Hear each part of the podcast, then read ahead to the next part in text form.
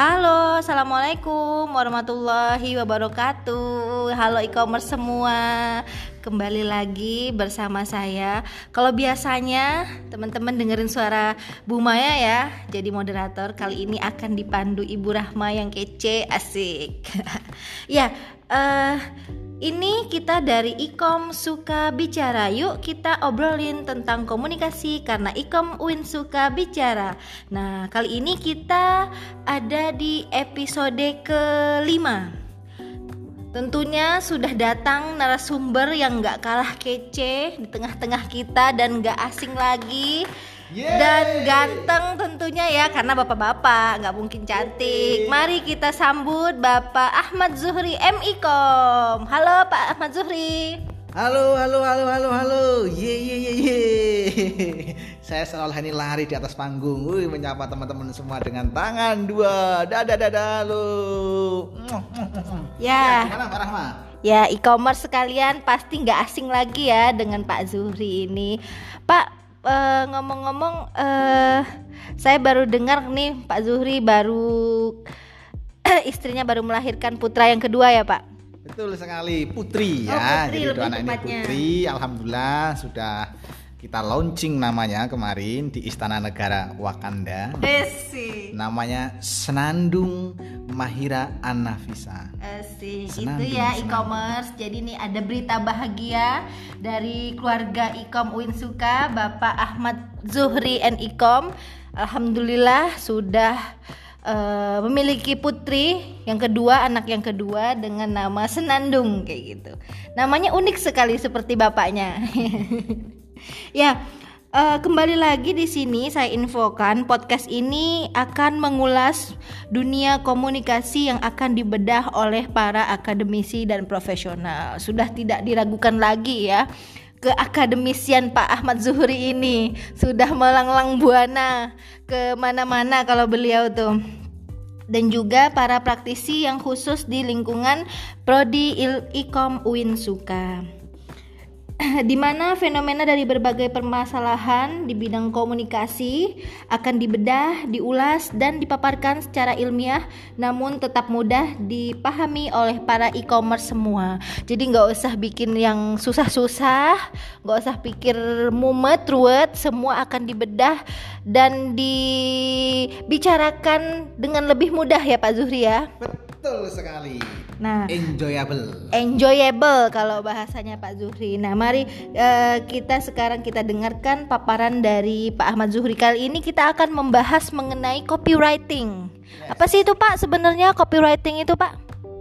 Copywriting itu adalah konsep ya. Jadi konsep dasar kita uh, saya terangkan secara akademis dulu nih oh ya. Iya, ya, ya. boleh Jadi, Pak. Menurut pakar periklanan Frank Jeffkins mengungkapkan bahwa copywriting adalah sebagai suatu seni atau karya yang berbentuk tulisan dalam bentuk karangan-karangan sebuah iklan yang dimuat atau dibuat semenarik mungkin. Jadi oh, gitu. jadi apa namanya?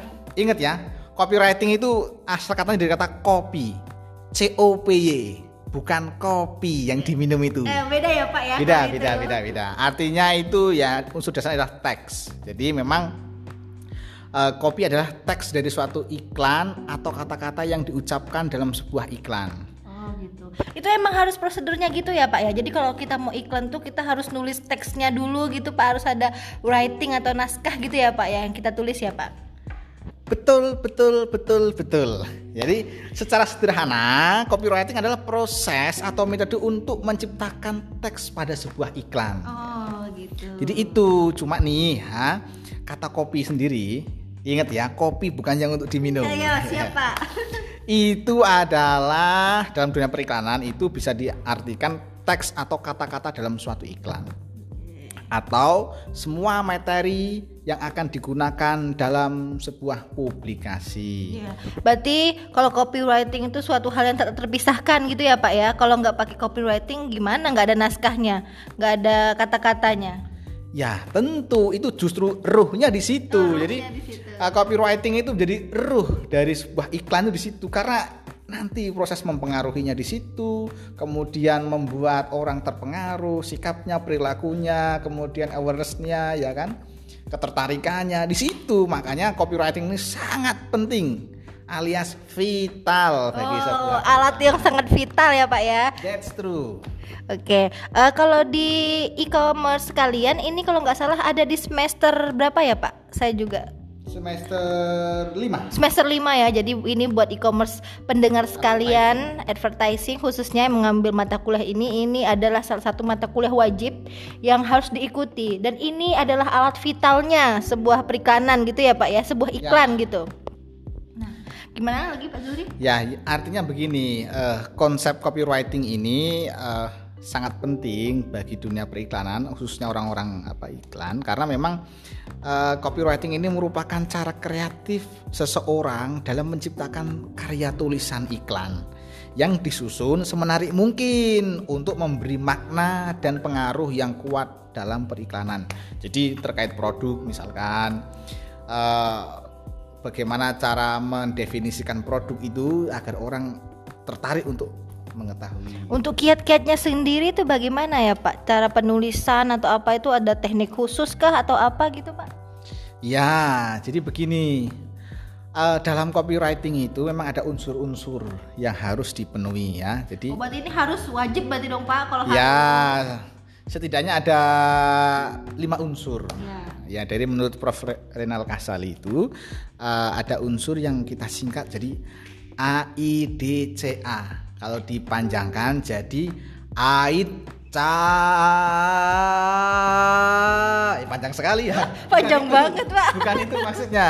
Jadi aitca ini ada attention atau perhatian kemudian interest. Jadi harus mengandung minat ada ada minat kemudian ada desire keinginan ya terus ada conviction atau rasa percaya dan action tindakan. Jadi ada lima unsur itu yang apa namanya eh, harus ada di eh, copywriting. Nah memang copywriting juga memiliki tujuan yang harus apa namanya atau capaian ya yang harus di eh, terlaksana harus dicapai. Jadi nggak serta merta cuma nulis itu tapi nggak tahu tujuan dan segala macam ya pak. Kita kan kalau hidup kan harus tahu tuh arah tujuan hidup kita. Iya dong, kan ada lagunya. Nah, gimana itu pak lagunya? Mau dibawa ke mana hubungan ini? Udah orang pacaran aja ada tujuannya kan. Kalau nggak ada tujuannya pasti nggak ada yang mau. Iya. sama iklan iya. gitu ya e-commerce. Jadi buat para e-commerce semua yang perempuan apalagi jangan mau kalau uh, dibuat nggak pasti ya pak. Nggak tanpa, tanpa tujuan. nggak ada tujuan yang jelas itu kalau bagi Pak Zuhri. uh -uh. dalam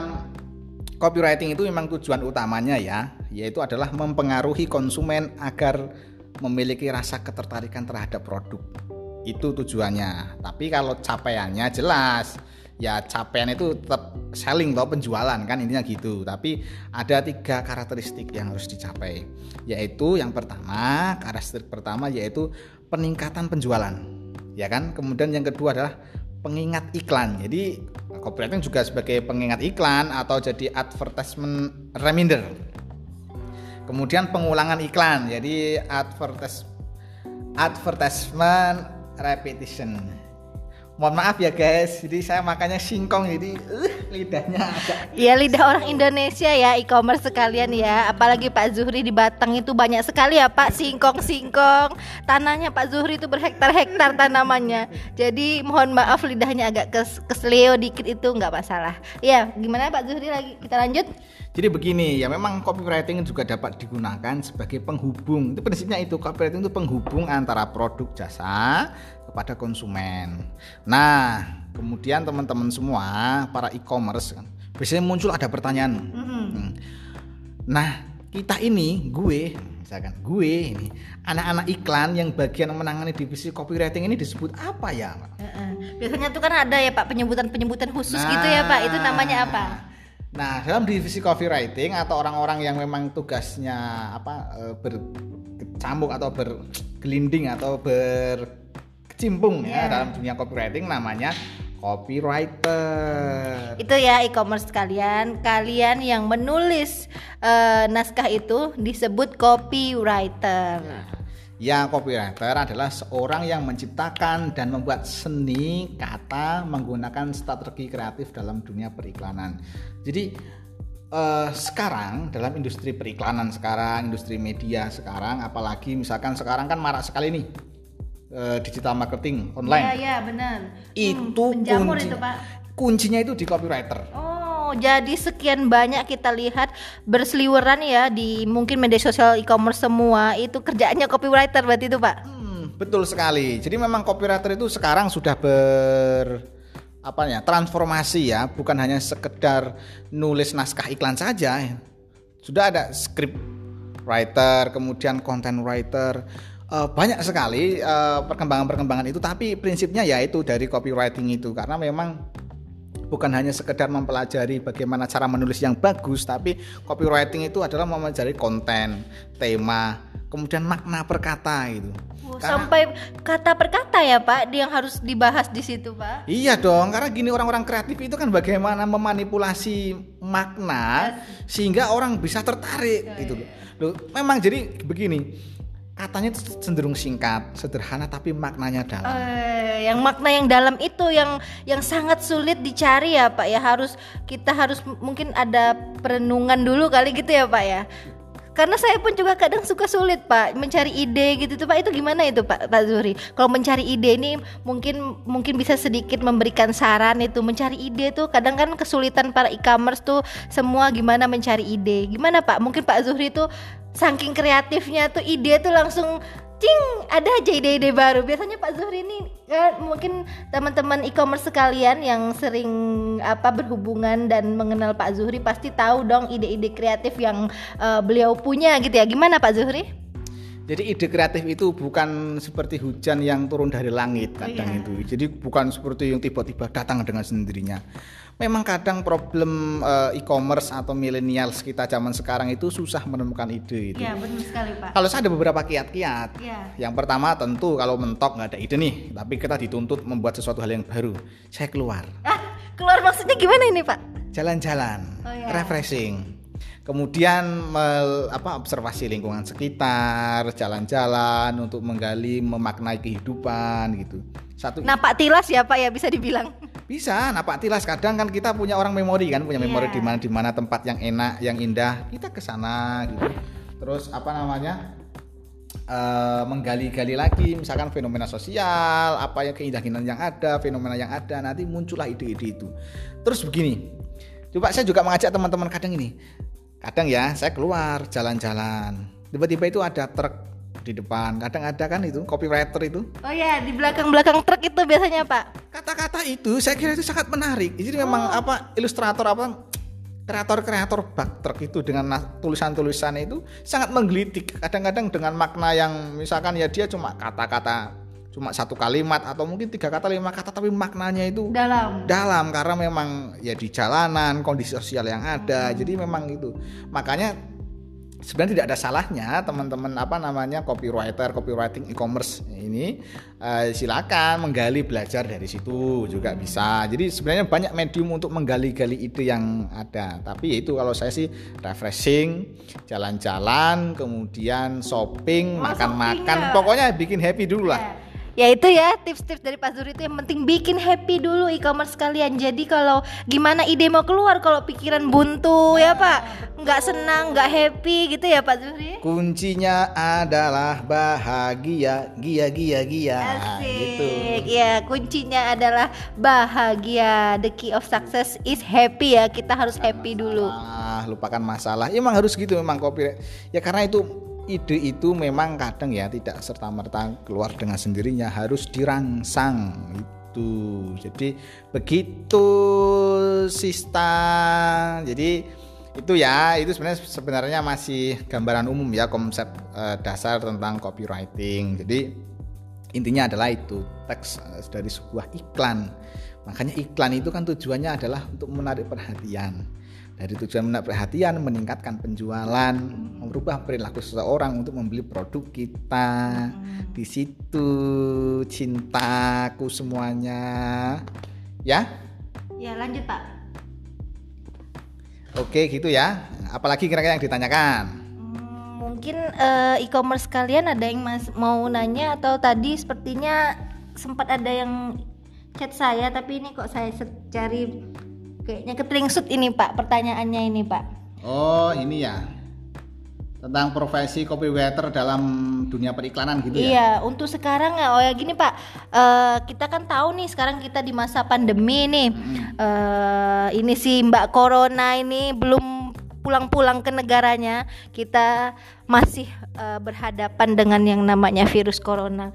Kalau menurut Bapak bagi seseorang yang berprofesi sebagai copywriter tentu ini juga pasti berdampak kepada pekerjaannya gitu Pak. Gimana ini Pak uh, kondisi sekarang copywriter di masa pandemi gini? Jadi begini, uh, sebenarnya copywriter itu di masa seperti apa aja tidak bermasalah. Oh, enggak masalah. Ya, karena Pak. basic pekerjaannya itu eh, di mana pun kapan pun bagaimanapun itu enak banget yang penting eh, kondisi tubuh itu ya. Artinya, artinya begini kondisi prima sehat.